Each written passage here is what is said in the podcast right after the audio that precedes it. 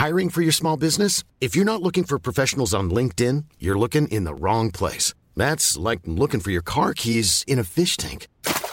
LinkedIn helps you hire professionals you can't find anywhere else, even those who aren't actively searching for a new job but might be open to the perfect role. In a given month, over 70% of LinkedIn users don't even visit other leading job sites. So start looking in the right place. With LinkedIn, you can hire professionals like a professional. Post your free job on linkedin.com slash people today. Quality sleep is essential. That's why the Sleep Number Smart Bed is designed for your ever-evolving sleep needs. Need a bed that's firmer or softer on either side? Helps you sleep at a comfortable temperature? Sleep Number Smart Beds let you individualize your comfort so you sleep better together. JD Power ranks Sleep Number number 1 in customer satisfaction with mattresses purchased in-store. And now, save 50% on the Sleep Number limited edition Smart Bed for a limited time. For JD Power 2023 award information, visit jdpower.com/awards. Only at a Sleep Number store or sleepnumber.com. One size fits all seems like a good idea for clothes until you try them on. Same goes for healthcare. That's why United Healthcare offers flexible, budget friendly coverage for medical, vision, dental, and more. Learn more at uh1.com. Vi är denna vecka sponsrade av Indie Beauty. Och Sofie, det här tycker jag är extra fint och extra roligt.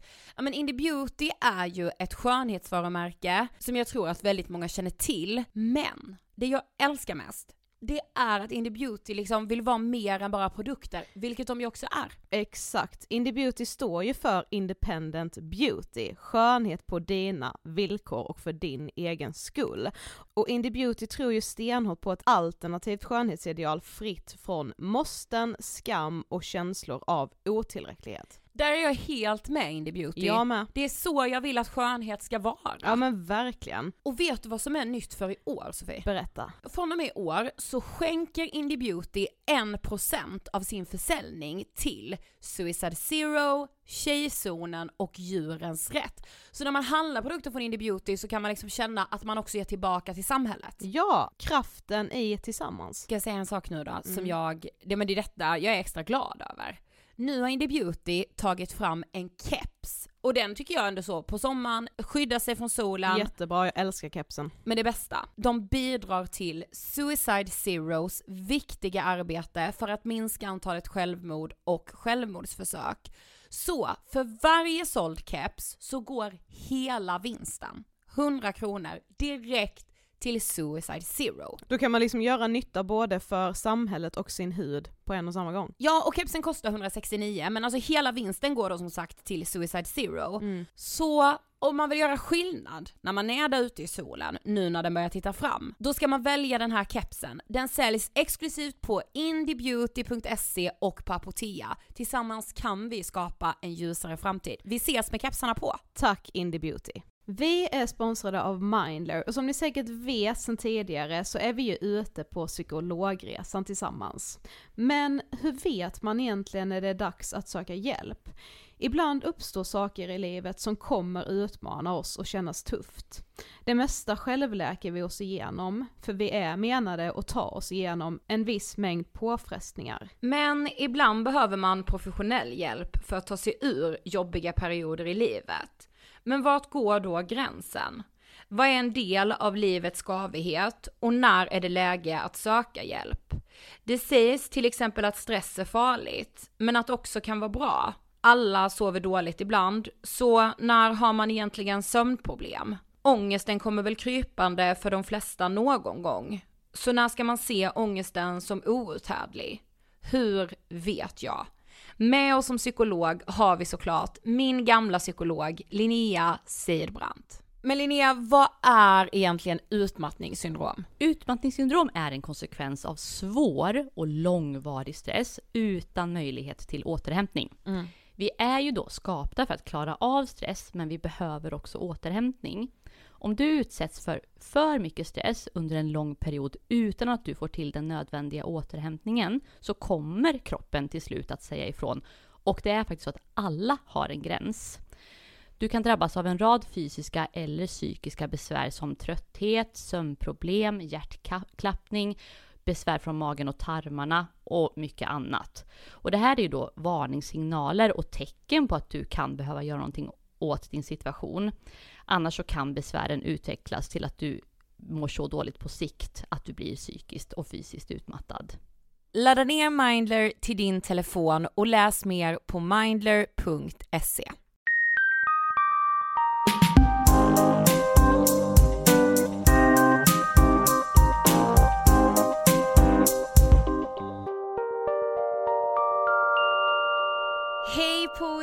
Varmt välkomna ska ni vara till avsnitt 382 av Ångestpodden! Hej! Podden om ångest, livet och Ida och Sofie. Livets berg. Ja, om man hör lite små snarkningar är det för att vi har mopsen eh, Bosse. Ja och I Bosses studion. lilla berg. Bosse har inte mått så bra ju. Nej, så han får ligga här inne och sova nu medan vi poddar. Ja, Så och det snarkas lite men jag tror inte det hörs så mycket. Jag och jag tror även du har helgen som var varit med om så det största i våra liv. Ja. Alltså verkligen. Alltså en händelse som jag så, varför ska jag ha barn? Ja och jag kände typ så, Alltså gud det låter så sjukt! nej men jag kände typ så, jag vet inte hur jag ska, alltså det låter så jävla vedrigt högfärdigt att säga hur ska jag kunna förklara för någon som inte var där? Nej men det, man kan inte det! Nej! För oss kan man inte det. Nej Alltså, och precis, och, detta- det skulle ju inte betyda lika mycket för någon annan. Nej precis, så därför Ja. gör det ju inte det. Nej. Men liksom så här, och nu är vi så de största så profilerna som är så, nu är detta hemligt. Ja, ö. Men det här är på riktigt det absolut, om, även om vi säger så här, det här är det absolut sjukaste vi har gjort så kommer ni inte förstå hur sjukt det är ändå. Nej precis. Och det största och finaste och ja, jag är så jävla stolt över det här. Får inte tala om det viktigaste vi har gjort. Nej precis. Alltså det är Mm. next level. Ja, alltså så här, utöver att starta Ångestpodden är ju det här det största vi har gjort. Jag är så rädd att ni inte får den stöttning jag liksom vill ha från lyssnarna. Ja men det är också så, stöttning är liksom inte heller jag behöver inte bli stöttad, jag vill bara att ni också ska känna lika mycket som jag gör. Ja Alltså, och vilja mig. förändra det som vi kommer liksom Ja precis.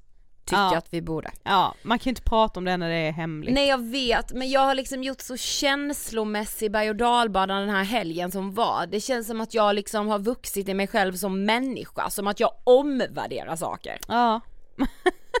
ja det är stort men, Men ja. att folk är så liksom åker till eh, Burning Man och kommer hem och är så I'm a new person. Jag åker på en inspelning och blir den.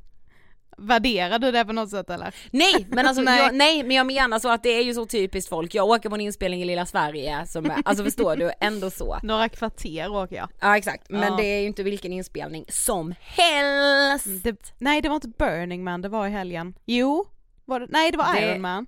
Nej, det var ju någon, Vet du vad Burning Man är? ja just det, det är den festivalen, jag tänkte på Ja. det här loppet. Nej. Burning Man är ju i ök, i Nevada. Ja, jag vet, tänk på det här jävla loppet som var i helgen. Burning Man-tema brukar många ha också på fester. Det är har ganska jag coolt. tänkt att det skulle vara lite kul Ja att fast ha. då måste du veta vad Burning Man är för. Ja men förlåt, jag tänkte ju på loppet har jag ju sagt. Det heter Tough Viking. Ja just det. Mm. det var det jag tänkte på. Ja. Ah! Jag eh, är jätte, jätte, jätteglad över dagens avsnitt. Jag med. Alltså, jag kan inte riktigt fatta, och det säger vi också i intervjun, att det här tog oss sju år. Nej, inte så heller att vi har försökt få till det här i sju år. Det har bara inte liksom så, jag vet inte, har det runnit mellan våra fingrar Nej men jag, jag har faktiskt ingen aning. Men som ni ser har vi med oss kriminologen Maria Duva. Ja, och alltså Maria skulle jag kunna sitta och lyssna på i timmar. Ja, dels för liksom all hennes kunskap, men vet du framförallt? Sättet hon framför sin kunskap. Ja, det är just det. Alltså så, rösten, eh, nerven, energin framförallt. Nej men Maria är ju som sagt kriminolog men Ja. hon har ju också varit en stark röst i att prata om barn och unga på nätet och framförallt om grooming, om sexuella övergrepp mot barn på nätet, eh, om att liksom vara en närvarande förälder även på internet där Mm. barnen är. Precis.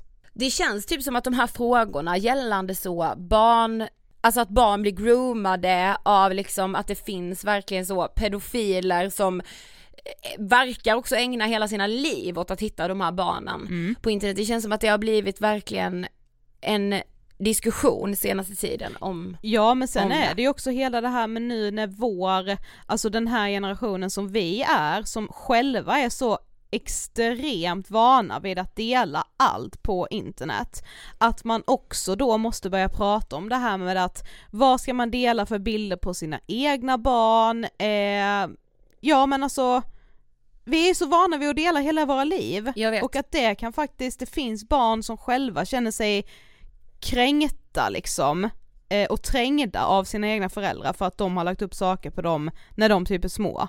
Ja men ja exakt och det är ju inte helt lätt heller de Nej. där diskussionerna. Det är supersvårt. Eh, men också att vi kanske inte tidigare faktiskt har gjort ett så avsnitt där vi verkligen förklarar vad grooming är. Mm. Eh, vilket vi gör med Maria. Yes. Vi rullar intervjun med den förträffliga, otroliga Maria Duva. Varsågoda! Hej Maria och varmt välkommen till Ångestpodden. Ja men tack äntligen. Ja, underbart att ha dig här äntligen. Ja, tack, jag har längtat. Ja, I många bra. år. Vi med. Nej men det har vi ju gjort, Ja. det är sant. Men du ska få berätta, vem är Maria Duva? Eh, professionellt så är jag ju idag författare på heltid. På mindre än fem år har jag släppt fem böcker. Den femte kommer Nej, nu men- i maj. I know, vi får skåla. Skål. Ja, skål. Ja och det här avsnittet kommer släppas samma vecka som Mm. din nya bok. Trevlig vecka där i maj tycker jag. Mycket som händer där. Eh, nej men jag är ju författare och föreläsare. Jag jobbar brottsförebyggande. Jag kämpar på med att ge världen kunskap kring det som jag känner till. Eh, och sen så, ja, men folkbildande helt enkelt, det är det jag ägnar mig åt. Jag reser land och rike runt, jag kommer just från Söderhamn och i övermorgon åker jag till Vindeln Oj, Ja. var ligger det? utanför Umeå. Aha. Ja, så jag eh, vet ju, det vet ju ni också, jag hör ju vart ni kommer ifrån. Men eh, det är ju så att Stockholm och storstäder är ju inte representativt för Sverige. Nej. Och det jag jobbar med är ju nätet och nätet känner inte av några gränser.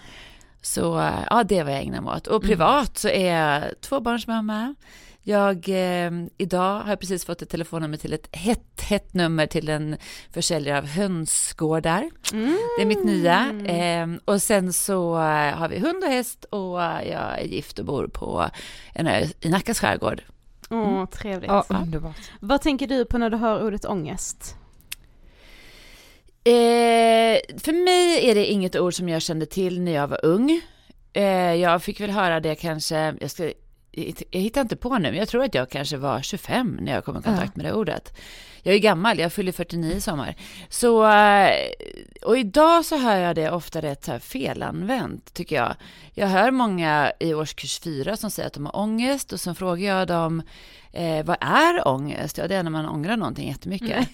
Och eh, sen också tror jag att vi har en så här fel bild av ångest, att ångest är livsfarligt just för att man får den reaktionen. Men jag har ju träffat på jättemånga barn och unga, precis som vi sitter så här så jobbade jag ju i 13 år i samtal med barn som är utsatta för brott och barn som begått brott och sådär och vittne till brott. Ehm, och jag tänker att vi har en fel bild av ångest, att det ska vara livsfarligt och vi har inget eh, givet barn strategier att hantera det. Nej. Och men eh, har man kunskap kring hur man kan hantera det så, eh, så, så är det ju ett förlopp som tar slut. Mm. Och eh, jag tror att vi måste lära barn det. Och unga framför allt och att det inte är liksom någonting att skämmas över heller. För det tror jag blir att det också kan dra igång grejer. när Man försöker kontrollera det. Man liksom börjar skämmas för att det liksom, man känner att det är på gång i kroppen. Men eh, nej, och sen så tror jag att rätt mycket av det här som vi pratar om, den psykiska ohälsan som ökar i samhället, jag tror inte riktigt att det stämmer. För vi har typ patologiserat många vanliga mellanmänskliga känslor.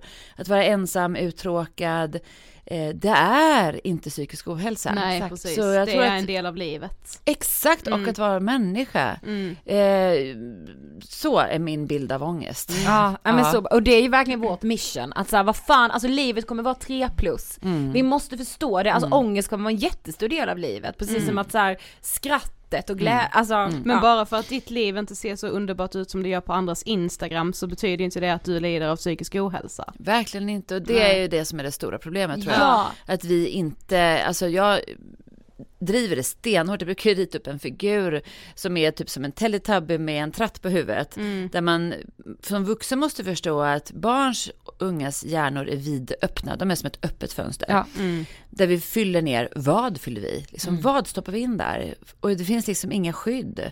Min hjärna är ju gammal och seg. Den är som att man stänger fönstret och lämnar en liten vädringsglipa brukar jag säga.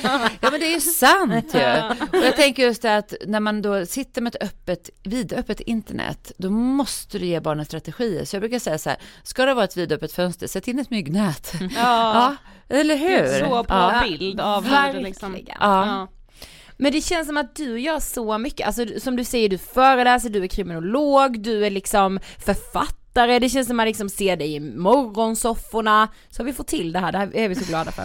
Men, men liksom, hur har det blivit så att du har ägnat dig åt just liksom barn och ungas liv på Men internet? det är inte så svårt för att jag började jobba, eh, ja men snart är det ju 20 år sedan, efter att jag var klar på universitetet så jobbade jag först i fängelse, då jobbade jag på en avdelning där satt män dömda för våld i nära relation. Och jag kände att det här är ingenting för mig. Jag ska inte hålla på med vuxna, jag ska jobba brottsförebyggande. Eh, jag kan säga, nu säger jag det rakt ut, men på mig, för mig där och då, det var ju det är 20 år sedan, så kändes det som att man typ kunde ge, upp ho- ge upp hoppet när de kom upp i en viss ålder och hade etablerat sitt beteende och inte kände ånger och skuld och skam och sådana saker för vad de hade gjort. Så kände jag att det här, det går, det går inte att ändra det här, vi måste börja mycket tidigare. Eh, och då började jag inom Stockholms stad, eh, då hette det Stödcentrum Unga brottsutsatta. Och det finns under lite olika namn runt om i Sverige. Och då jobbade jag med medling med brott och sen så jobbade jag med stöd till brottsutsatta. Och då var ju Bilddagboken en riktig groomingarena, Oh eh. MSN, Lunarstorm, Playhead, Kamrat. Mm. och datorn var i köket eller i hallen, det var en stationär dator och jag kunde vara förnuftig vuxen och säga till alla de här föräldrarna att ha koll på era barns inloggen, ha koll på vad de gör ungefär. Men det var ju ganska dåligt och lagstiftningen var urusel på den tiden. Förmågan att utreda brott var urusel. Kunskapen hos poliser var inte särskilt jämnt fördelad. Det fanns ju de som var asbra, men det fanns också de som inte ens visste hur man använde en mail. Nej. Och när jag slutade hos polisen 2000, måste tänka, 2017, då använde vi fortfarande fax. Ja. Ja. Och jag har ju aldrig... allt. Ja, men men liksom- jag har ju aldrig varit polis, utan jag är ju kriminolog och det är ju ingen yrk, det är inget yrke utan en utbildning. Mm. Så då får man ju försöka hitta sig ett jobb. Och jag hittade det här jobbet och vi jobbade i brottsförebyggande med kunskap. Men jag såg att det var alldeles för lite kunskap för liksom nätet, både hos vuxna och barn. Och jag tänkte just att ska man, jag kommer inte kunna stå i varenda klassrum. Jag kommer inte Nej. kunna stå i varenda matsal eller aula. Så då blev det böcker som blev det naturliga. Och det är lite mer rättvist också, för då kan alla läsa det. Eh, Även om man inte har snacket i hemmet. Ja, Även om man inte har en eldsjäl till kurator som brinner för det här. För det är ju så många som verkligen är asbra på det här och prata om det. Men det är lite orättvist vem man får som vuxen runt omkring sig. Mm. Ja för idag vill vi prata om barn på internet och framförallt barn som blir utsatta för brott på internet. Vad finns det egentligen för brott som man kan bli utsatt för på Mm, nätet? herregud, allting. Allting utom det som, vad ska man säga, egentligen fysisk misshandel. För idag har vi domar på våldtäkt mot barn på nätet. Ja. Så jag menar, eh, ja, allt kan hända på nätet. Jag brukar ju inte göra så himla stor skillnad mellan det. Jag brukar ju göra det som att, för barnen brukar jag göra det som att eh, det blir en verklig situation, att det är en helt främmande person på stan som kommer fram och säger, ska vi snacka lite? Ungefär som att man ska lägga till någon på Snap. Eller att någon frågar om nudes efter andra chatten, andra vändan. Och att någon helt främmande, random, vem som helst, liksom på byn, eller på bussen, eller på stan skulle komma fram och bara fråga efter nakenbilder. Det känns ju helt orimligt, medan det är en vardag för många barn, kanske flera gånger om dagen redan från att de går i fyran. Mm. Så ja, allt kan hända på nätet. Så är det faktiskt. Det enda som inte kan hända är väl egentligen en fysisk misshandel. Och det tycker jag är så viktigt för jag tror att många, alltså att många inte har det med sig. Nej. Alltså att så här, men Och alltså att det, fortfarande är väldigt så, verklighet och internet. Ja, i alla fall för vuxna. Internet. Ja. Ja, men det är det ju på sätt och vis och det måste man ha någon slags, alltså jag var ju 25 år när jag fick mitt första modem hem liksom till min lägenhet. Mm. Så det, jag har ju levt ett halvt liv utan det. Ja, jag, ja, men jag kan inte, och det, det gör mig helt galen. Alltså jag kan brinna av när jag hör vuxna som säger så här, åh jag är så himla glad och tacksam för att jag inte växte upp med internet. Nej men nu gör ju barn och unga det. Ja, Då exakt. måste vi ge dem strategier. Och sen så kan jag, de säger så här att barn och unga de är så himla avancerade nu för tiden. Jag bara, men hur hade du varit Ja. ifall du hade Ja. kunnat? Vi fick ju kämpa på som galningar, åka till fotoautomater för att trycka ut en svartvit bild för att kunna byta bilder. Idag byter man bilder på ett helt annat sätt. Man Ja, bildkommunicerar. Och vi fick ju kämpa på som dårar för att cykla till en telefonkiosk och stoppa i två enkronor och ringa till Heta linjen. Ja. Idag kör man house party. Alltså, jag, jag, jag, det känns liksom som att man distanserar sig från barn när man liksom skapar det här liksom avståndet. Du ska veta när jag var liten, Ja. så. Och så bara. Alltså det ja. Ja, men det är så tröttsamt. Vi Mm, ja. är ju inte där längre Exakt. liksom. Men samtidigt så kan man ju inte, alltså jag måste respektera att de växer upp som experter idag. Mm. Jag blir ju nästan så här lite fnissig när jag hör att folk presenterar mig som expert på barns och ungas liv på nätet. Jag bara, nej jag tror att det är barnen som är det. inte jag. Jag vet ungefär vad som händer där, men jag är inte så expert på just nätlivet idag, för det är också så föränderligt. Exakt. Det ser olika ut hela tiden. Ja. Ja. Och alla har ett indiv- individuellt liv där också. Precis, och det blir, alltså den verkligheten som är där betyder så enormt mycket. Ja, såklart. Eh, men, men någonting som vi liksom har fått mycket önskemål om att ta upp i podden och som vi har varit och snuddat vid och sådär, det är just eh, grooming. Alltså vad är det för någonting? Ja, frågar du mig då eh, så är det ju det att vara hästskötare egentligen. Alltså när jag var anställd på stallet i England så kunde man vara anställd som groom eller som rider. Jag var Ah. rider, ja. Så går du till England också, eller till, eh, till de här såklart, här också, så är det egentligen att man kanske går och blir groomad. Då går man och får fixat skägget och Ah. man eldar bort ögonbryn och man eldar bort näshår och Ah. fixar öronen när man har börjat bli gammal och får öronhår. Nej, men det är egentligen att sköta om någon, vårda någon kan man säga. Och jag tror att det är därifrån själva begreppet kommer. Jag kan tycka att det är ett halvbra begrepp, men jag vet inte vad jag skulle kunna ersätta det med. För det är lite att förminska allvarlighetsgraden tycker jag, Ja. eftersom det handlar om att man egentligen pysslar om någon, vårdar någon. Eh, curlar upp någon liksom, typ så. Ja. Ehm, och där, vad det är, man brukar säga så här, generellt att det är en vuxen person som tar kontakt med ett barn i ett sexuellt syfte. Att få barnet att göra det som de vill. Och det kan ju vara då i ett syfte att ses fysiskt. Ja. Alla har ju inte det. Det kan vara ett syfte att få barnet att skicka nakenbilder och nakenfilmer och utföra i detalj det som förövaren vill. Eh, men det kan ju också, vi har ju domar på när det har varit i text. Så jag menar, det behöver ju inte vara, Nej, det kan se lite olika ut, det beror på hur förövaren, vad förövaren vill och vad Mm. förövaren lyckas med helt enkelt. Och sen tänker vi alltid på att det är en ful gubbe, eller hur? Mm. Ja. Ja, ja det är Ja. det man har liksom. Bilden, alltså barn kan ju än idag, år 2022, beskriva detalj att det är en gubbe med långt grått hår, långt grått skägg, Ja. han har ölmage, brynja, trenchcoat, grå, grå mjukisbyxor och loafers, är- röker, dricker alkohol, psykiskt sjuk och sitter i en källare. ja, det är ju kufen liksom. Ja, riktigt så kul. Och idag när man pratar med poliser som utreder de här brotten, det är ju allt yngre. Det kan vara en snygg 22-årig hockeyspelare. Ja. Åh, fy fan, jag... ja. Det, vi, har är ju, liksom- vi har ju en dom där en 15-åring dömdes för att ha krävt nakenbild av en 9-åring. Så att det är inte riktigt sant. Idag kan jag säga att bilden är, behöver breddas. Mm. Och det är inte som i typ Lejonkungen att man kan både se och höra att Scar är den läskiga Mm. och Simba den snälla. Det kan vara egentligen precis vem som helst, Mm. fast ändå inte, för alla gör inte det här. Var det inte någon känd idrottsprofil också som dömdes för något? Just när du sa hockeyspelare så, var- ja jag, jag vet inte men det kändes som att. Jo, men om vi ska kolla på domar, om jag inte ska överdriva, Ja. Så eh, om jag ska verkligen hålla igen så har vi ungefär en dom i månaden i Sverige. Och då om poliser hör det här så kommer de att säga att det är många, många fler. Mm. Men jag gillar inte att överdriva och jag har inget syfte med det heller. Så att därför så eh, håller jag igen. Men det som är är att det är alldeles för många barn. Och facit i den här världen tycker jag givetvis är forskning. Jag vänder mig inte mot forskning, men det tar lite för lång tid. Det som är ett snabbt facit, som är alltså i stunden, det är ändå en dom som har vunnit laga kraft. Läser man domen, då kan man också kalla ut förundersökningsprotokollet och då får du exakt den här personens modus operandi, tillvägagångssätt. Mm. Och jag kan säga att det är ingenting jag rekommenderar. Det ska man inte läsa för att man är skör eller trött eller ledsen. Oavsett om man är en 48-årig tant som jag som har jobbat med det här hur länge som helst och är ganska luttrad. För det är fruktansvärd läsning. Mm. Det är, finns ingen hejd för vad de kan utsätta barnen för. Det, alltså jag kan inte ens föreställa mig att de lyckas komma på de här galna Nej det är liksom, var fan kommer ens fantasierna Exakt. ifrån? Det är det, alltså. Men Ja. det är klart att det ser olika ut, men hur skulle du ändå säga, alltså generellt, hur, hur går det till när ett barn blir groomat? Ja, inte händer det på ett ålderdomshem, utan de som vill komma i kontakt med barn, de hänger där barn hänger. Mm. Och då är det inte heller lika lätt idag för dem att direkt göra det i den fysiska världen, för att det är inga barn som vistas ute Nej. på egen hand.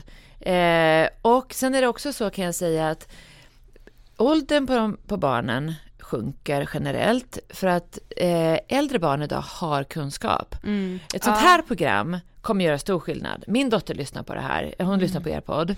Och det kommer göra stor skillnad ifall också YouTubers, influencers, gamers, stora på Twitch pratar om det här.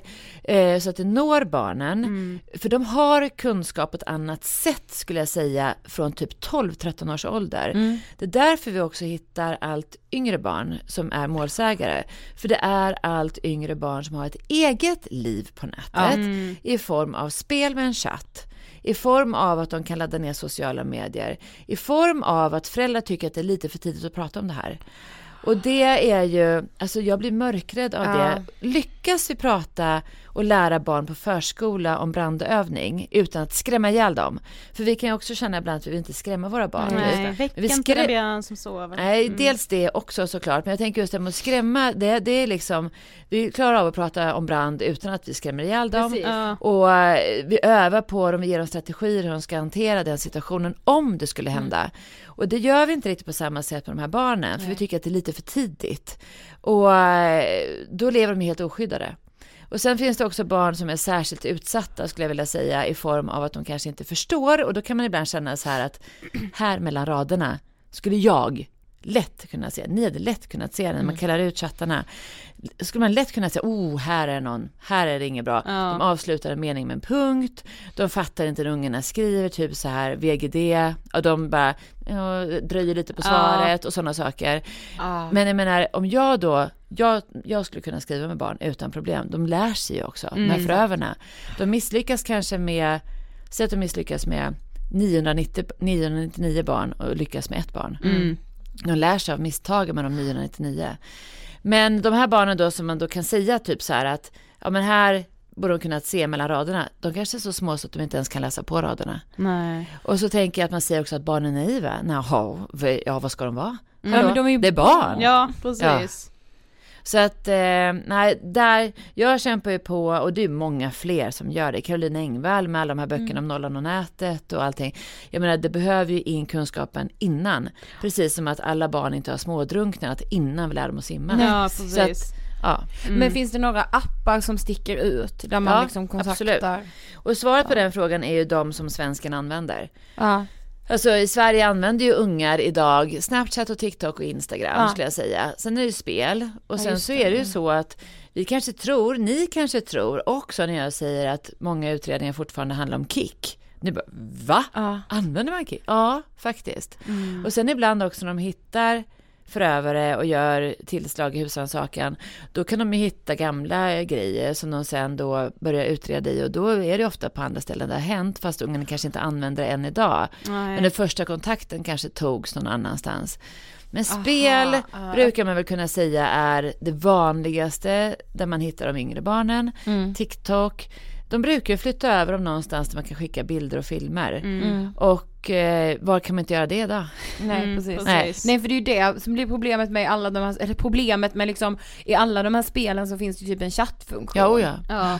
Och det är det som är det underbara för dem också, barnen. Att de kan hitta sina bästa kompisar, de kan hänga med sina bästisar. Så jag vill ju säga så här att, jag tänker att många i min generation känner ju att vi borde stänga ner internet. Gud jag blir också Ja. så. Stänga ner internet, flytta till en alptopp och bo i en hydda, liksom, typ så. Men det- idag är ju internet oftare bättre än vad det är liksom dåligt, även för ett barn som är utsatt. För det är där de kan hitta stödet, det är där de kan hitta kunskapen. Så att jag, och alla barn blir ju inte utsatta på nätet. Nej, nej. Nej, Det är också det som jag gnager lite mig. Det är lite som en sten i skon hos mig just nu, att alla barn blir ju inte det. Nej. Hur ska vi lyckas med att få att inget barn blir utsatt? Mm. För förövarna är ju alldeles för många, alldeles för skickliga, alldeles för drivna, alldeles för intensiva. Och eh, jag tänker just om under pandemin så är det ju vissa brottskategorier som har ökat jättemycket. Bedrägeri mot vuxna har ju ökat något enormt. Men då brukar man ju gå ut på nyheterna, på Aktuellt, på Nyhetsmorgon och man brukar ha ex- experter Jo, där. ja. Jag har inte riktigt det på samma sätt om det här. För är det så att en vuxen person kan bli lurad på nätet, då kan ju ett barn bli lurad Jo, på själv, nätet. alltså. Ja. Ja. Men vi satt med och diskuterade det här innan idag, men liksom som du säger, vi har allt för många förövare. Alltså hur fan kan det finnas? Är det så många som är sinnessjuk? Alltså jag blir så här, hur är det möjligt? Hur har det blivit så jävla fel? Ja, jag kan inte riktigt svara på hur Nej, det har blivit. För att, för att grejen är så här, jag undrar ifall det inte alltid har funnits. Ja. Och jag tänker att barn är så Eh, idag vurmar vi för barn Ja. rätt mycket i vårt samhälle. Vi värnar barn och barns rätt och man är barn tills man är 18. I vissa samhällen som jag läste i tidningen senast idag så är det åttaåringar som har komplicerade förlossningar. Alltså, ni förstår. Alltså, så är det bara. Och då tänker jag att vi värnar om barn, men hur var det på Kulla-Gullas tid? Hur var det att vara pigan som blev gravid och fick ett barn? Hur var det att vara det barnet med en hemsk storbonde? Alltså jag är inte säker på att det var så mycket bättre. Nej. Det är på riktigt kanske bara jag säger min mormor, hon är född under 1920-talets början, kanske två generationer innan henne så var det ju liksom i princip livsfarligt att vara ung tjej.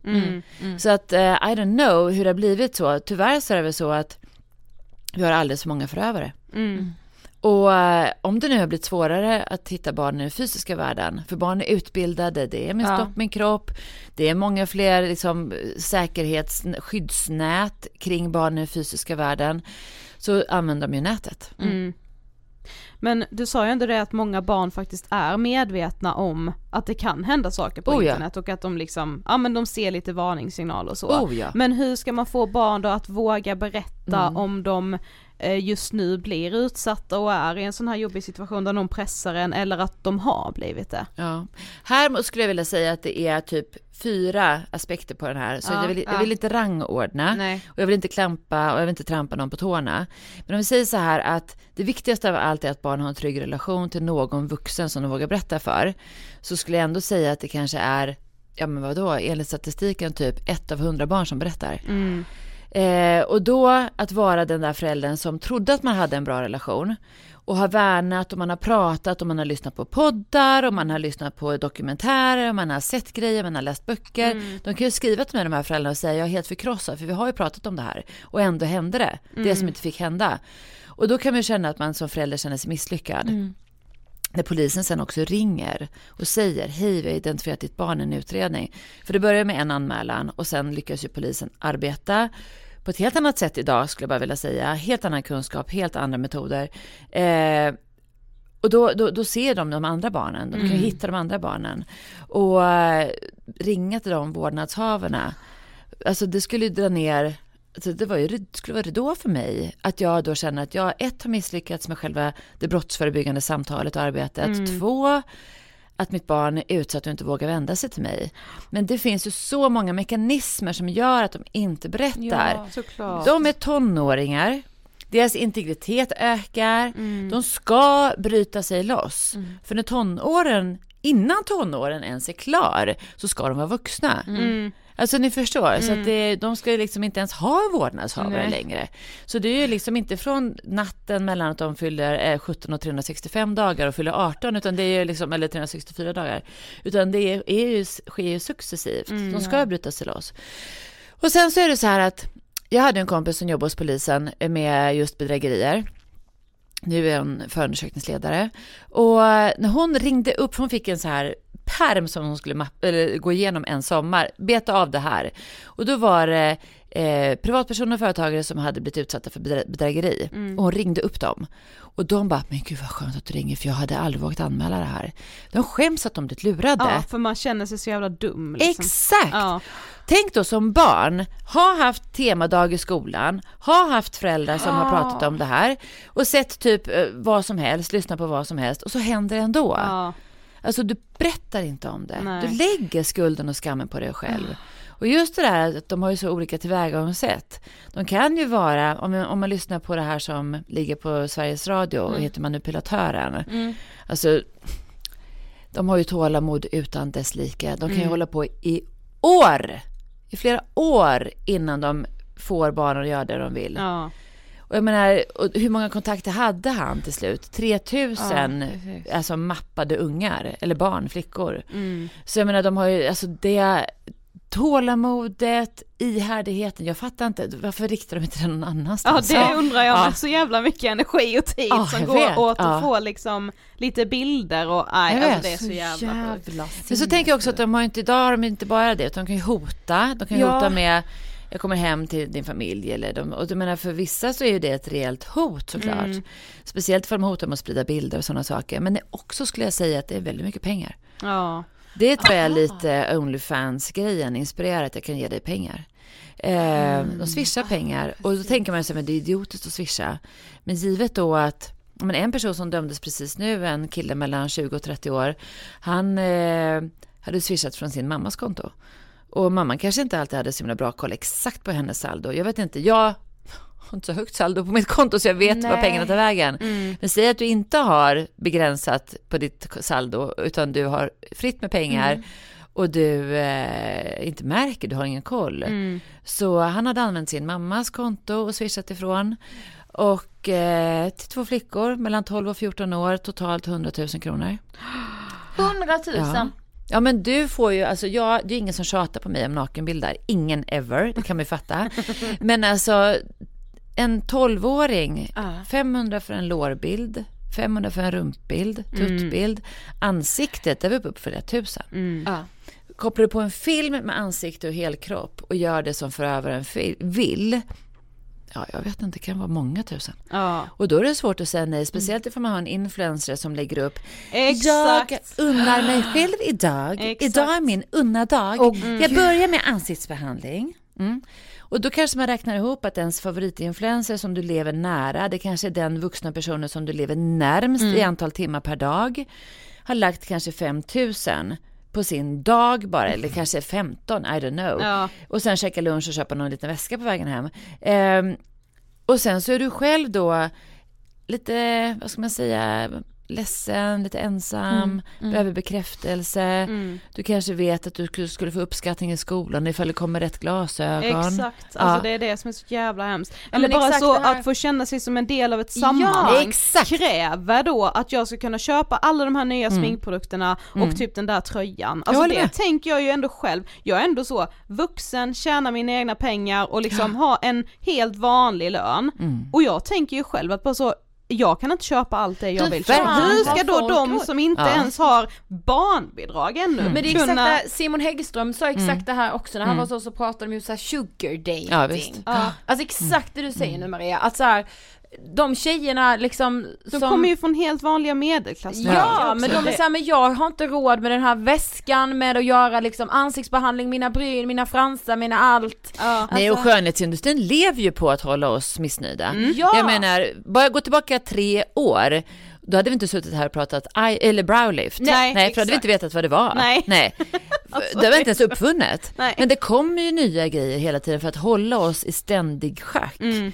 Och jag tänker det här, men jag vet ju tonårstjejer, jag träffade en skolsköterska igår i Söderhamn, hon sa jag har tonårstjejer i sjuan, åttan som inte går till skolan ifall de har slut på franslim.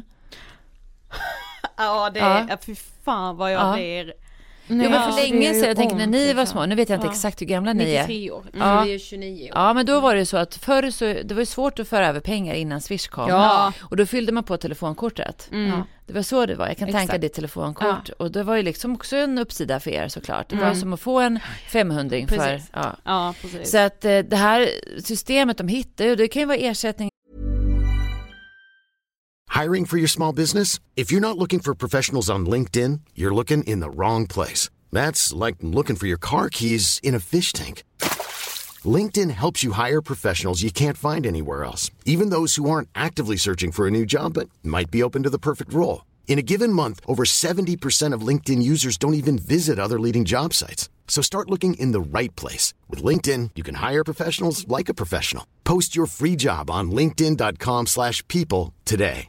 A lot can happen in the next three years. Like a chatbot may be your new best friend. But what won't change? Needing health insurance. United Healthcare Tri Term Medical Plans are available for these changing times. Underwritten by Golden Rule Insurance Company, they offer budget friendly, flexible coverage for people who are in between jobs or missed open enrollment. The plans last nearly three years in some states, with access to a nationwide network of doctors and hospitals. So, for whatever tomorrow brings, United Healthcare Tri Term Medical Plans may be for you. Learn more at uh1.com. Hey, it's Ryan Reynolds, and I'm here with Keith, co star of my upcoming film, If, only in theaters, May 17th. Do you want to tell people the big news? All right, I'll do it. Sign up now and you'll get unlimited for $15 a month in six months of Paramount Plus Essential Plan on us. Mintmobile.com slash switch. Upfront payment of $45 equivalent to $15 per month. Unlimited over 40 gigabytes per month. Face lower speeds. Videos at 480p. Active Mint customers by 531.24 get six months of Paramount Plus Essential Plan. Auto renews after six months. Offer ends May 31st, 2024. Separate Paramount Plus registration required. Terms and conditions apply if rated PG. En form av alkohol, narkotika, tobak, det kan vara vad som helst. Det kan vara i spel när det riktar sig mot killar, pojkar, de som spelar, typ så här 12-åringar. Ah, då, kan det vara att jag kan gifta dig V-bucks, jag kan gifta dig Robux, du Ja, kan få levla med det. mig, du kan få en shout-out. Alltså du kan få vad som helst och det är ju jättemånga. Jag träffar på barn i Borås när jag var där föreläste, en kille i fyra, han bara, hur mycket får man? Jag bara, med 500, han bara, hade lätt gjort. Ja. Ja. Ja, jag Ah. köper ju att man säger att man lätt hade gjort det. Alltså jag Ja. förstår. För, För att, att man- det är så mycket press gud, utifrån då alltså. samtidigt som man, det känns värt för att man då kan leva upp till det här sammanhanget. Men som att svara just bara på vad grooming är så kan jag säga att jag tycker mig se att det har det är väldigt olika. Jag tror att en vissa förövare som håller på sådär i flera år som vi pratade om då, det är lite längre tillbaka i tiden. Mhm. Men jag tror att det fyllde en funktion hos dem också. Mm. Att liksom ha den här eh, makten över det här barnet. Mm. Skrämmas och hotas. Eh, men idag så är det jättemånga olika. Det kan vara just send nudes, skicka naket. Jag betalar först, typ så. Mm. Och eh, kan vara kortare kontakter. Och idag vet jag att det är Alltså jag, vad jag ser, det är väldigt bekräftelsedrivet. Väldigt att man är uttråkad och ensam och du har många timmar med en skärm. De fyra grejerna tillsammans, många timmar med en skärm, uttråkad, stort bekräftelsebehov och känner sig ensam, ofrivilligt ensam. Man ser att alla kompisar hänger på kartan och du var inte inbjuden. Ja, ja. Alltså den, de fyra, var och en för sig, kan vara liksom obra, Mm. men tillsammans. Och det är många som tickar i alla de fyra box- boxarna. Mm. Och sen då såklart att man inte vågar berätta för en vuxen. Mm. Jag menar, jag berättade inte för min man jag åkte fast i fortkörning. Nej. Nej, han fick ett brev hem på posten och han Ja, bara, vad är det här? Ja, jag vet Ja. inte vilka jag hade berättat för om jag hade blivit lurad så, ja men men Facebook ser. marketplace, Ja. så, här. Nej, men ja, jag hade sagt det till dig för att jag hade Ja, kommit så och bara, fan jag- jag har blivit lurad på Ja, men år." man hade varit som en säng. Men jag hade ju inte Exakt, ja, för ja. Man hade, jag hade med känt mig så jävla Ja. korkad liksom. Ja, köpt en falsk passtid liksom, lagt tusen spänn på det och så bara, ja, Du gör Precis. nej, Det är inte säkert. Nej. Man Nej. För jag känner mig ju så om jag har gått på och köpt någon produkt som Ja, inte funkar, känner ja. skäms jag ju ihjäl. ja, ja, Så det är liksom inte konstigt. Nej. ja. Men finns det någon statistik på att så här, många barn blir groomade varje år? Eller alltså finns det något sånt Och ser som man kan mäta? på tjejer och killar? Ja det också. Ja, nu är det jättesvåra frågor här. Ja. Ja, men vi börjar med ifall det är tjej, killar på tjej, eh, skillnad på tjejer och killar. Det verkar som att de dömda förövarna är ute efter tjejer. Så kan man säga. Fast det är ju också, jag vill inte få en enda vuxen till att slappna av nu och tänka gud vad skönt att man bara har söner. Ja, nej. För det händer också. Och då är det ju bara till att sätta sig och lyssna på Gamer som fick Stora Journalistpriset 2020. Eh, Sveriges radiodokumentär också. Varsågod, fyra avsnitt, 27 minuter vardera, det är bara att lyssna rakt igenom. Och jag tänker just att då förstår man ju också att jag tror att killars utsatthet, de pratar inte om det alls. Men kolla bara ifall en tjej eller en kvinna blir våldtagen. Då är det ungefär brukar man säga att det är 25 av 100 som vågar polisanmäla. Mm. Om en kille blir våldtagen, om en man blir våldtagen. Vad är det? Enligt statistiken, vad säger de? 6-5 procent liksom som Ja, vågar precis. berätta. Ja. Eh, men det, det, det, ja, alltså nej, det är enligt domar om man kollar på det så är det flera tjejer som blir utsatta. Absolut. Mm. Och de flesta eh, tangerar väl kanske idag så här typ 8, 9, 10, 11, 12 ungefär. Mm. Om inte förövaren är riktigt jävla vidrig och ber dem ta med sig sina småsyskon in i Ja. utsattheten. Ja. Mm. Eh, men om man då tittar på eh, statistik om man vet, nej det vet man ju inte såklart, utan man får ju alltid så här typ göra så här sammanlagd gissningsestimatdata, som man kan säga. Och då kan vi titta på typ så här anmälningsbenägenhet och man kan titta på, eh, ja räkna baklänges just ifall man får in en anmälan, hur många barn hittar man. Men det som är det farliga, jag kan ju ibland känna så här, att det är liksom ingenting att stirra sig blind på, det räcker med att man säger att det är alldeles för många barn. Ja, Ja. Alltså det, det räcker ju för mig för att jag ska liksom vilja jobba med det här och ge kunskap så att det inte sker. Förövarna är alldeles för många, de har alldeles för mycket tricks, de har alldeles för stora eh, kapital, olika typer av våldskapital, ekonomiska kapital att utsätta barn. Så vi måste, alltså det är hemskt, vi måste lägga allt ansvar på de potentiella utsatta.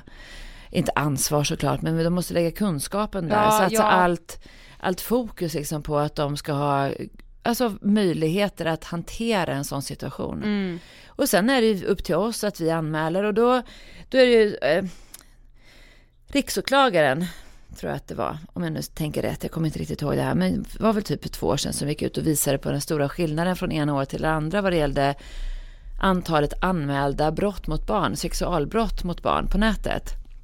Och då var det ju en siffra på, jag överdriver inte nu heller då, men vi säger att det var på 70 procent, att det var 70 procent i ökning från det ena året till det andra. Ah, oj. Och då är det många som bara, åh herregud, säger många. Medan jag då säger, yes vad bra. För jag väljer att tolka det som att det är fler barn som har vågat berätta, fler barn som har vågat bevissäkra i form av att de kanske filmar av hela konversationen, fotar av med en annan telefon så man inte lämnar digitala spår Ja, efter sig, precis. att det syns att man har sparat och sådana saker. Eh, och vågat berätta för en vuxen som i sin tur vågar anmäla, som hamnar hos rätt poliser också. För nu har varenda polisregion särskilda, det heter så ISÖB, internetrelaterade sexualbrott, sexuella övergrepp på nätet mot barn typ. Eh, och sen så finns det andra, Groominggruppen Stockholm finns här, det är jättebra konton att följa på Instagram tycker jag, Groominggruppen Stockholm. För då lär man sig massor. Och Ehm, och då är det så att då sorteras de här ärendena dit istället som har rätt kompetens så att det inte hamnar hos någon som håller på att utreda trafikbrott. Nej. Utan att det liksom hamnar hos rätt poliser. mm. Och eh, jag vill ju tro på, det är klart, jag väljer att tro på att det är en ökad anmälningsbenägenhet, ökad kunskap. Jag väljer att tro det. Jag förstår att det givetvis inte bara är det. Nej, Men eh, en del av ökningen Ja. i alla fall kanske. Mm. ja, Men jag tänker alltså om man som vuxen, alltså om ett barn kommer och berättar för en att man har blivit utsatt, är det något som är viktigt att tänka på då? Alltså förutom att det är uppenbart så här polisanmäla. Alltså bevissäkra är det bästa. Ja. Att man går in liksom och, alltså jag rekommenderar inte att skärmdumpa för det kan ju lämna spår. Just det. Man filmar av hellre skulle jag säga, för då får du med dig allt ifall det kommer bara så här korta eh, flasha upp liksom. Sen är det så på Snapchat så är det jätteönskvärt från polisens håll att man tar både visningsnamn och användarnamn. Och likadant på Instagram såklart och vart du än är, för det kan ju hända överallt liksom. Eh, det är väl nummer ett. Och sen så att man peppar barnet, lyfter barnet. För det är inte fara för liv gissningsvis. Nej. Och då är det ju inte akut, då är det inte 112, utan Nej. då är det gäller att bara peppa barnet, bara, jag känner mig så stolt att du har berättat för mig. Ta en paus där på en halvtimme och bara kramas typ, jag är så glad och stolt att du har berättat för mig. För jag får ju så många meddelanden, nu blir det lite tårigt, okej? Ja, jag jag, får, känner ja, det. jag får ju många meddelanden från föräldrar som säger så här, mitt barn tyckte kanske inte att det var så farligt det som hände mitt barn, men mitt barn har ju förstått att om mitt barn anmäler, om vi anmäler mitt barns utsatthet så kan vi rädda andra barn. Ja, så hittar de mer Jag vet. liksom. Jag vet. Ja. Så att det är ju många som vet att genom bara en enda anmälan så kan polisen dra igång en utredning och identifiera de andra barnen. Och då är det ju en majoritet som inte har vågat berätta. Mm. Och om man inte vågar berätta om sin utsatthet så får man ju aldrig någon hjälp. Och då bär du på den utsattheten helt själv. Mm. Från det att du kanske är då, säg 10-11 år. Mm. Men det vet jag också, det- eh, SVT gjorde ju en dokumentär där man följde, var det groominggruppen i Stockholm man följde? Det kan det nog ha varit. Ja. Det var i alla fall på Lilla Aktuellt. De har varit, på Aha, Lilla Aktuellt har de varit på besök Ja. och träffat. Nej det här var, du kommer ihåg den serien, vi tittade på den tillsammans. De liksom utredde bara sexuella övergrepp Ja men mot just barn. det, det var ganska länge sedan. Ja precis, och då vet jag just, alltså det du säger nu att de sa det, ja men nu har jag fått in en anmälan men alltså Ja. det här har ju vuxit på ett sätt Ja, att det är bara så toppen av ett många isberg. barn. Alltså, Fast jag har ju en poliskontakt eh, som säger att så var det ju med förr att det kunde vara upp till typ 300 barn. Alltså det hör vi ju ifall vi lyssnar på den här, eh, vad heter den, manipulatören Ja, på, ja, då hör vi det. Men idag säger de att det inte är lika många barn just för att barn i ett snabbare skede, pang, vågar berätta. Och alltså att det anmäls, inte alla barn men i alla fall ett barn Ja, vågar. precis. Och så tror jag också att fler föräldrar, så jag har ju fått lite kritik genom åren, jag har ändå ägnat mig åt det här på heltid typ i fem år. Jag har fått lite kritik under åren att jag säger att föräldrar ska snoka. Det har jag aldrig sagt, utan föräldrar ska vara insatta brukar jag säga. Ja. Och då kan man ju vara insatt på olika sätt, man kan ju vara insatt i, genom samtal, men är du orolig för ditt barn så är det ändå i vårdnadshavarens uppdrag att vara säker på hur mår mitt barn egentligen. Och då kan det vara att man stämmer av med barnet, jag är orolig för dig, har du någon du kan prata med och så. Men fortsätter den här oron så måste du ju agera. Dels också eftersom man som förälder äger telefonen och paddan och surfen, typ så. Ja. Och händer det någonting att mitt barn exempelvis skulle vara den som utsätter andra och sen ska betala skadestånd så är, blir jag solidariskt betalningsansvarig Ja, som vårdnadshavare. Så jag tänker just att det med att snoka, för de säger ja det är som att Maria Duva uppmanar föräldrar till att läsa barnens dagböcker. Ah. Och då tänker jag så här, man kan inte riktigt jämföra en dagbok Nej. och en penna med ett vidöppet internet. Exakt. Nej. Nej. Så att eh, det kan ju också vara så, det finns ju egentligen två vägar som det kan komma in. Det kan komma in via en vuxen som de har berättat för. Och det kan ju vara kurator, skolsköterska, Ja. ungdomsmottagningen, andra föräldrar, äldre syskon. Det kan vara hur många viktiga vuxna som helst i ett barn. Jag skulle vilja säga att det är ingenting som barn tänker på när de är utsatta. De känner sig ensamma.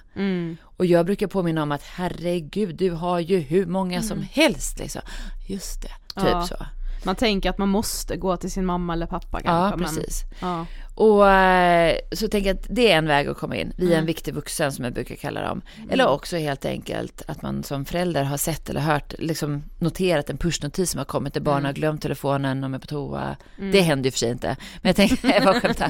Nej men för vi säger att de har tillgång till telefonen. Ja. Ja. Jag vet en mamma, hon, hon såg sin dotters utsatthet när dot- dottern var på sjukhus. Eh, för då höll hon i dotterns telefon och då såg hon precis så här, hur det bara kom. Ah. Notiserna liksom. Ja. Mm. Men alltså idag lever vi ju alla ett väldigt digitalt liv. Det är ju inte bara barn och unga som hänger mycket på internet. Det gör ju vi vuxna Ja, också. Ja. Och det är ju många barn som idag kan säga att mina föräldrar träffades på internet. Oh, och jag ja. tänker så här, det är ju också en lite så oskriven regel att man ska inte prata med främlingar på internet. men det gör vi ju, alltså Tinder svämmar ju över av främlingar och vi träffar ju också främlingarna på löpande band. Oh. Hur ska man då liksom förklara det för barnen och låta dem utforska internet på ett säkert sätt? För vi själva, alltså vi själva sätter ju oss i ganska utsatta situationer Ja. också. Genom att typ tindra, alltså.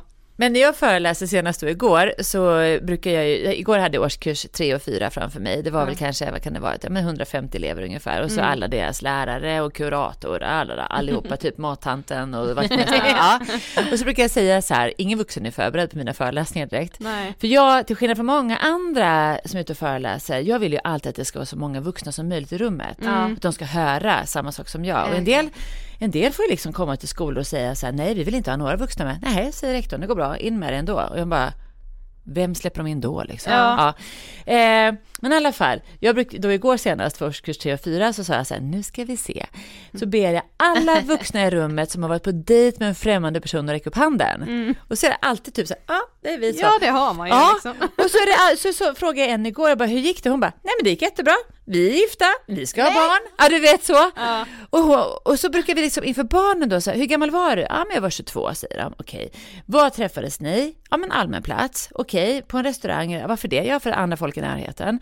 Och sen så liksom ger vi alla de här strategierna som vuxna är medvetna om. Det här snackar vi barn. Mm.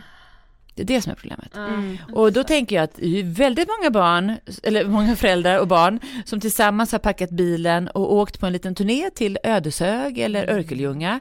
För där ska de träffa sonens, dotterns bästa kompis från spelet, från sociala medier, Ja. för att de vill träffas på riktigt också. Mm. Och sen vet jag jättemånga av de barnen som har sagt till mig, det blev inte samma sak, vi ska nog egentligen vara IBF, Internet- ja. Ja. Internet Best Friends, typ Ja. så. Ja.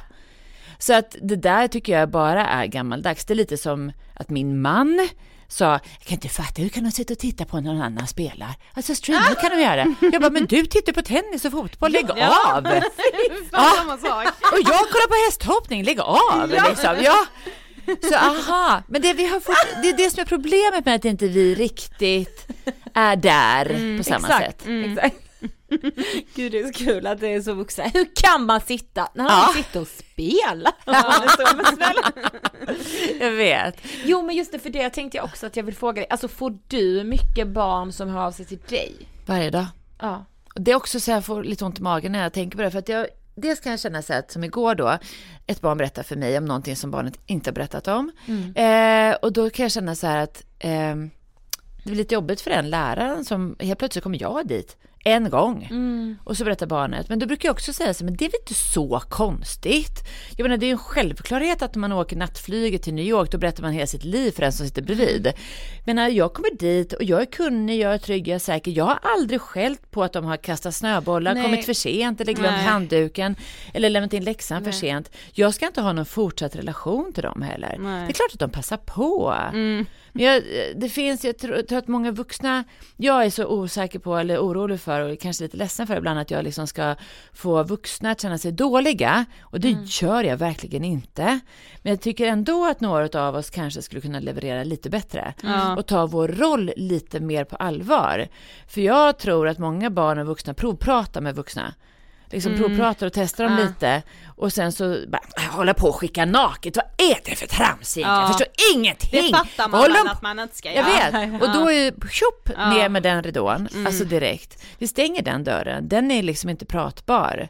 Men så brukar jag säga det som jag alltid säger till alla ungar. Bara för att du blir missnöjd hos frisören så slutar ju inte du gå och klippa dig, du hittar en annan. Mm. Så ge inte upp ifall du tycker att en vuxen är värdelös att prata med, hitta en annan. Ja, alla vuxna är inte likadana. Liksom. Nej. Nej. Och så tänker jag just på det som du sa också, att man tror att man alltid måste typ så avrapportera för sina föräldrar. Mm. Det är jätte obehagligt när föräldrarna säger, nu skulle pappa jag vilja prata med dig. Skulle mina föräldrar säga så till mig, jag fyller 49 år, Ja. då skulle jag bara, åh, vad har Ja, jag gjort? med. Ja, Ja, mina mina föräldrar, genomsvettiga alltså. Ja, ja. ja. Det Och det blir liksom det här, sitta på varsin sida av köksbordet i typ ett förhör. Det är ingen sån här lampa som lyser, men typ. Ja. Ja, det är men det som saknas. Ja. Ja. Så jag tror att man måste kanske Mm. hitta, en tjej som jag jobbade med länge, hon ville bara träffa mig när det var skymning och jag skulle ta med mina två hundar och sen skulle vi gå ut och gå i hennes hoods. Så att hon kände sig trygg och kunde typ, hon ville typ visa mig vägen lite så. Ja. Jag, jag blev så, kommer ihåg en gång att det hoppade fram en groda och jag blev så himla rädd och hon bara, det är alltid grodor här. Och då kände hon sig så trygg. Ja. Liksom. Exakt. Ja. exakt. Mm. Så hitta pratfönstret. Ja, Mm. men en annan sak med som vi tycker är intressant eh, är ju det här, alltså nu börjar ju liksom Ja men de i vår ålder Mm. och vi själva hamnar ju i det här liksom nu med att skaffa barn Ja. och vi har ju också levt mycket med sociala medier så vi är ju också helt besatta av att uppdatera och liksom visa Jo, upp våra underbara unga på internet liksom. Ja, oj, jaha, Eh, ska vi in i det träsket? Ja, ja men och sen så, vi hörde dig i Ofiltrerat med PT-Fia och då pratade Mm. ni också om det här med att många barn faktiskt idag kan känna sig kränkta av sina egna föräldrar. För att de har postat bilder på dem där de typ är sjuka, sover, badar, ja men allt så. Vad kan det faktiskt få för konsekvenser? Att... Ja, men då hör jag att du inte är prenumerant på DN. Nej det är jag inte. För DN Debatt, Mårten Schultz, din, eh, nu, eh, nu tappade jag hennes namn, men i alla fall Juridikinstitutet, de skrev ju tillsammans med eh, Eh, nu vill jag verkligen hitta hennes namn känner jag, men vi tar, får lägga in det sen efteråt. Ja, Ja, Eh, eh, de skrev tillsammans med Statens medieråd en eh, rapport om det här. Och det var i DN Debatt den 3 april 2022. Oj, det är nyligen. Ja, så att de, den har jag postat om faktiskt på min Instagram. ja. Ja. Åh nej, Men det, är, ja, men det handlar ju precis om det att vi kränker barnens digitala integritet. Mm. Och att lämna vissa uppgifter, jag tänker på att de tar som i, exempel i debattartikeln, så tar de just att en pappa skriver i en Facebookgrupp att hans dotter blivit våldtagen. Och det är ju, alltså ett, hon har blivit våldtagen, två, hon blir ut vad ska man säga, och att man Ja. kanske inte alltid tänker på heller, för det inleder de ju hela den här Mm. debattartikeln med att man måste inse att allt ni har postat under alla år, under allt det finns kvar. Mm. Och, Och ni det är bara, för nej. allmän beskådan liksom. Och ni bara, nej men vi har tagit bort någonting. Och bara, ja ah, men vänta nu, någon annan kanske har hunnit spara på den. Mm. Och någon kanske har helt enkelt, om inte du får följa mina kompisar så kan ju du fota av min skärm kan jag Ja. säga. Ja. Alltså, Så att det, alltså det finns ju inget skydd. Och jag tänker att väldigt många barn, den absoluta majoriteten, har en egen personlig integritet på nätet. mm. De berättar inte precis allting. Jag kommer ihåg jag frågade min son, vem spelar du med? Han bara, "Ja, jag vet inte vad han heter riktigt. Var kommer han ifrån då? Kan vi inte fråga? Jag skulle aldrig berätta varifrån jag kom. Nej. Det skulle vara asstelt ifall någon frågade vart jag bodde. Jag bara, jaha, förlåt. Ja. Okej, tänkte inte på det. Ja. Nej, men lite så. Ja. Så barn har ju en mycket högre digital integritet än vad många föräldrar låter dem ha. Ja. Och jag tänker också, jag vet inte vad ni har iakttagit det, men många barn är ju väldigt frekventa på sina barn, eller föräldrars sociala medier tills de är typ 11. Sen, sen börjar de kunna säga nej. Mm. Mm. Och sen finns det ju, jag kan vara rak och helt ärlig med det, det finns ju de som har världens bästa relation till sina eh, barn och sinsemellan och de har samtycke och de postar och allt det. Det är lugnt men jag tänker på att en del har också byggt sina karriärer via Mm. just att posta Barnen, mycket åt sina ja. barn. Ja. Och vissa uppgifter, vissa bilder kan jag säga att där vet 17 ifall det är så himla vettigt. Speciellt inte för du själv är en stor profil på sociala medier. Jag har ju sett vuxna i min egen ålder, jättestora sociala medier som har postat nakenfilmer på deras barn. Mm. När de springer på stranden. Och det brukar ju alla som poliser, jag har varit på föreläsningar med Ecpat, med Interpol. Mm. De har ju sagt så här, vill, vill en förövare titta på nakna barn, då vänder man sig till svenska föräldrars sociala medier. Åh fy fan alltså jag får panik av det. Men Ja, det vet jag fick också att du sa ju ofiltrerat att man alltså om förövare också vill liksom förändra bilder så är det ju väldigt lätt att göra det också idag. Att man typ så, ja ah, men oj här känns som en, det ser ut som en helt oskyldig bild på ett barn som äter en glass. Mm. Men så kan du ganska enkelt byta ut Ja, glassen visst. mot, ja ni fattar. Ja, ja. Alltså att man, Men deepfake, jag vet inte, jag hänger ju orepresentativt mycket på TikTok. Mm. Jag kommer ihåg när jag såg den här deepfaken på Tom Cruise. ja. Och jag bara, för han stod och spelade golf. Ja. Första, första som de postade var när han spelade Mm. golf. Jag bara, det kan inte vara han. Han, han har inte sådär tjocka lår, kommer jag ihåg. Jag vet. Jag bara, nej men det kan inte vara, det kan inte vara han. Jag tänkte, Ja. nej. Mm. Och jag, och jag satt och tittade tusen gånger, men jag såg liksom ansiktet Du, och allting. Ja. Ja. Men så gör de ju rätt mycket idag, också med just porren.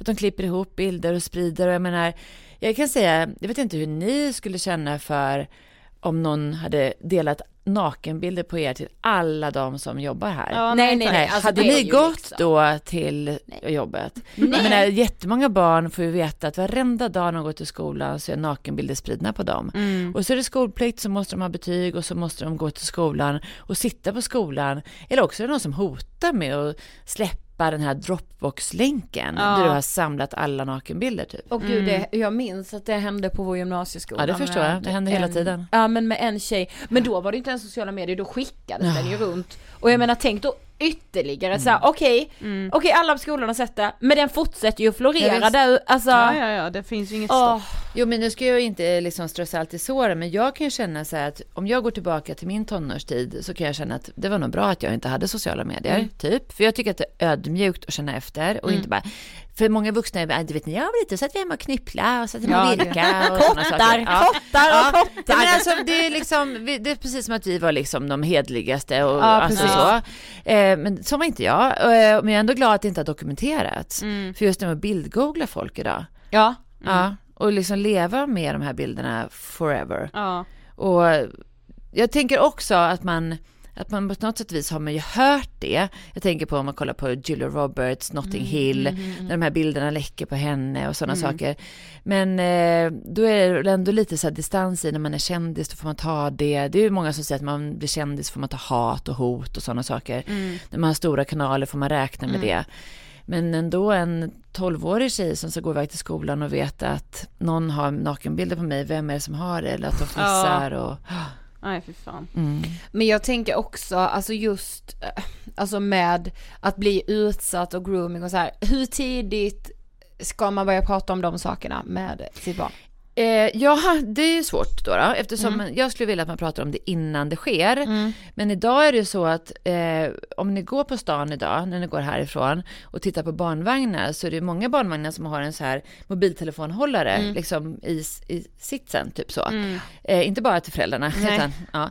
eh, och många barn har ju eh, en skärm framför sig när de äter. Många barn eh, har ju liksom extremt bra skills på att hantera en skärm Ja. som deras föräldrar inte har. Och många timmar vid en skärm varje dag. Så att jag tror att också, eh, apropå just att det kan vara bra för många barn är bra på engelska och Ja. allt det ja. Men alltså prata om det innan att det kan hända grejer, om det händer någonting. För att jag tror också, eller jag vet att väldigt många barn som är utsatta för sexualbrott har inte ens förstått det. Nej. Att de är för små för att fatta vad de egentligen menar och Ja. avser och skriver.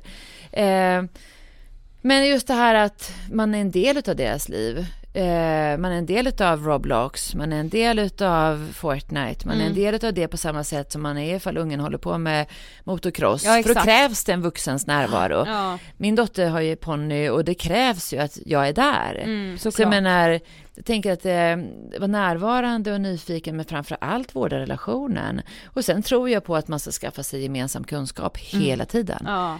Och då kanske det är jätteobehagligt att eh, ja, men man säger att man är åtta och pratar om det sju, åtta. Prat, lyssna på Lilla Aktuellt. Läs som jag sa alla böcker, det finns ju massa böcker. Jag skulle också vilja lyfta ett konto som heter Psykologi för, bra, för barn på Insta, Rianne. Och hon skriver böcker just till barn om känslor, hur man kan prata. Så att eh, det finns ju jättemycket bra material från Rädda Barnen också. Och göra det pratbart egentligen. Det är inte svårare än så, men sen är det det där med att det är så orättvist vilka det är som har de där samtalen hemma. Ja. Det är ju inte alla. Nej, men på tal om böcker då så Ja. är ju du som sagt aktuell med ännu en livsviktig Jag bok. Jag. Bästa bästa tonåren. Jag vet. Berätta lite om den.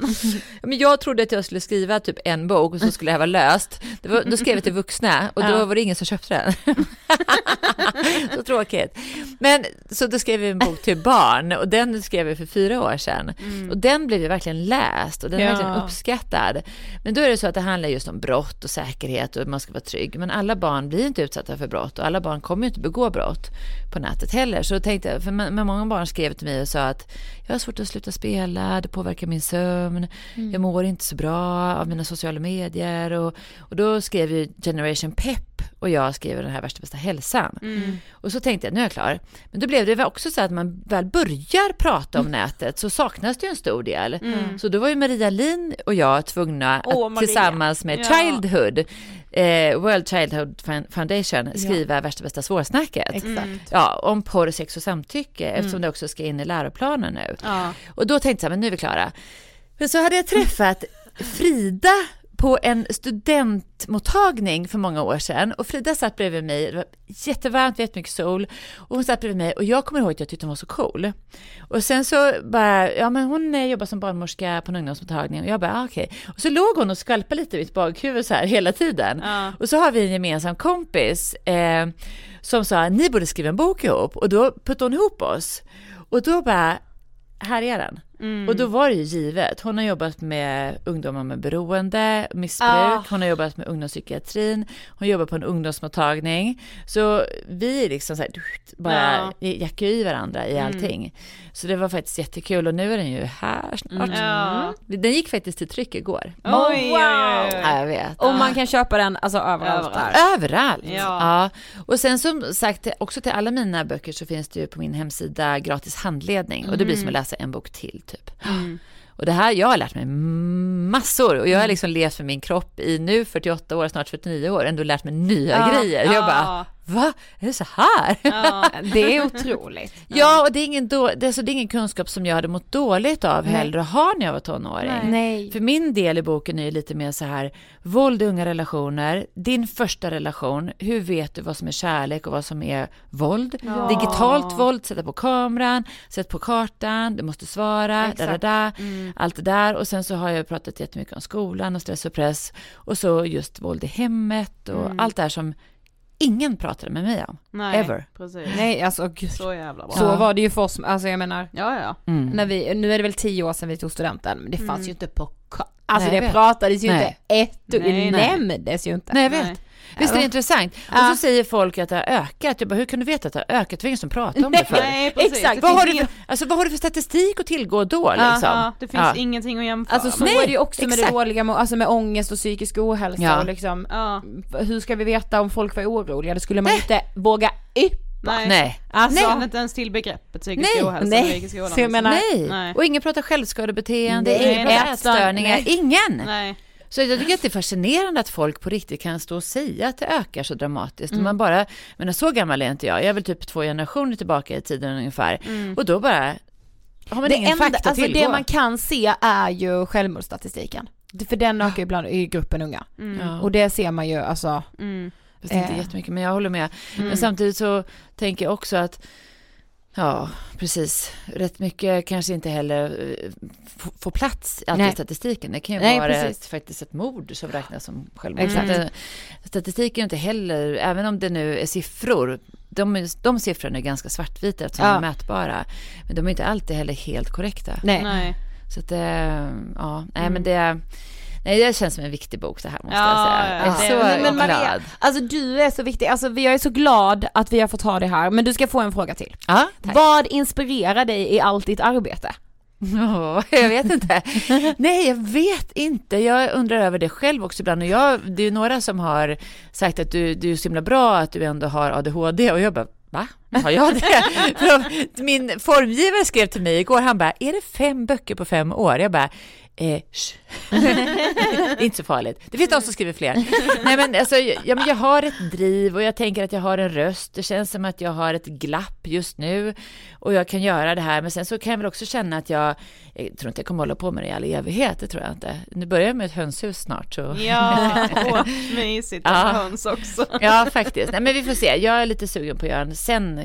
Men det är också så att man undrar hur många böcker man har i sig och jag har väl kanske måste ta en paus nu, men vad som är mitt driv? Jag tror att det handlar just om att jag får tack ifrån barn. Det tror jag. Den, den är svår att trumfa. Att de säger, det var faktiskt två tjejer, jag kan berätta det här, det var två tjejer som ringde mig till, till mig häromdagen och sa, kan vi få göra en intervju med dig? Och då satt jag i Karlskoga på hotellrummet, hade ingenting att göra. Jag bara, ja det går bra. De bara ringde precis rätt tid. Så hade vi den här intervjun och så sa de så här, eh, så tisslade de och tasslade lite så här. Ja, ska vi hörde, det? ja, Ska vi se det? Så sa de så här, ska bara säga att det, det var vi som för två år sedan ringde till dig när vi pratade med dig om det som hände på Ome TV. Jag bara, men gud vad, va? Är det sant? De bara, ja, vi vill bara säga att det var faktiskt vi som ringde. Det var därför vi vågade ringa till dig nu igen. Och du hjälpte oss så bra. Och jag bara, men gud vad skönt att ni ringde och hörde av er, för jag har tänkt på er så mycket, så jag till dem då. Vad glad jag blir att ni hörde av er. Ah, Och de bara, ja det var jätteskönt. Och så sa jag så här, har ni berättat för någon annan vuxen? De bara, nej men det kändes som att det räckte med att prata med dig. Så eh, det är liksom svårt att trumfa en det sån sak. Ja. Mm. Wow. Så det är väl anledningen. Ja. Ja. Tack så jättemycket för att du ville gästa Ångestpodden. Åh, jag är så glad för att vara Ja, här. tack. Du måste komma tillbaka också. Ja, gärna. Och prata om höns.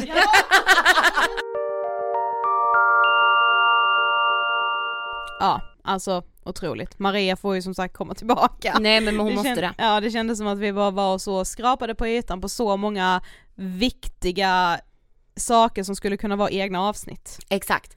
Och idag om man lyssnar när det här släpps, torsdagen den 12 maj, så är det ju nämligen så att Maria släppte ytterligare en bok igår. Ja, värsta bästa tonåren. Och denna släpper Maria tillsammans med Frida Garell.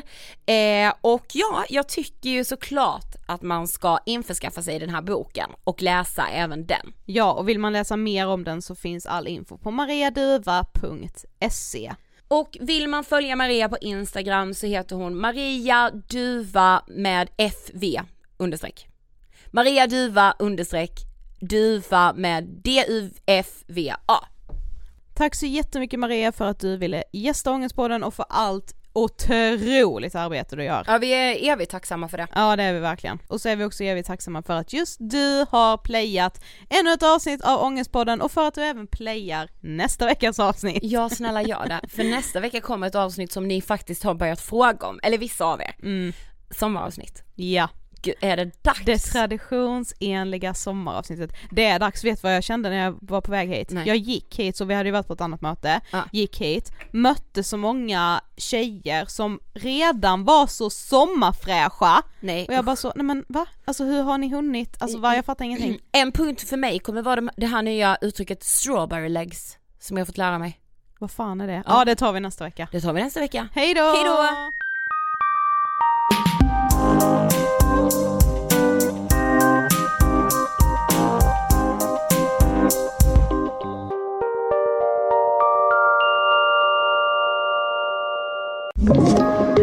Podplay.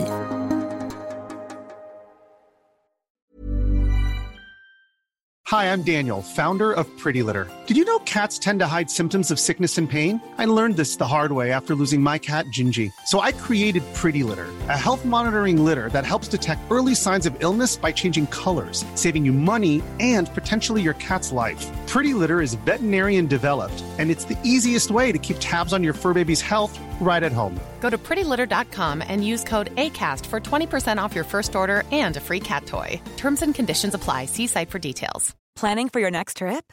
Elevate your travel style with Quince. Quince has all the jet setting essentials you'll want for your next getaway, like European linen, premium luggage options, buttery soft Italian leather bags, and so much more. And is all priced at 50 to 80% less than similar brands. Plus, Quince only works with factories that use safe and ethical manufacturing practices. Pack your bags with high-quality essentials you'll be wearing for vacations to come with Quince. Go to quince.com slash pack for free shipping and 365-day returns.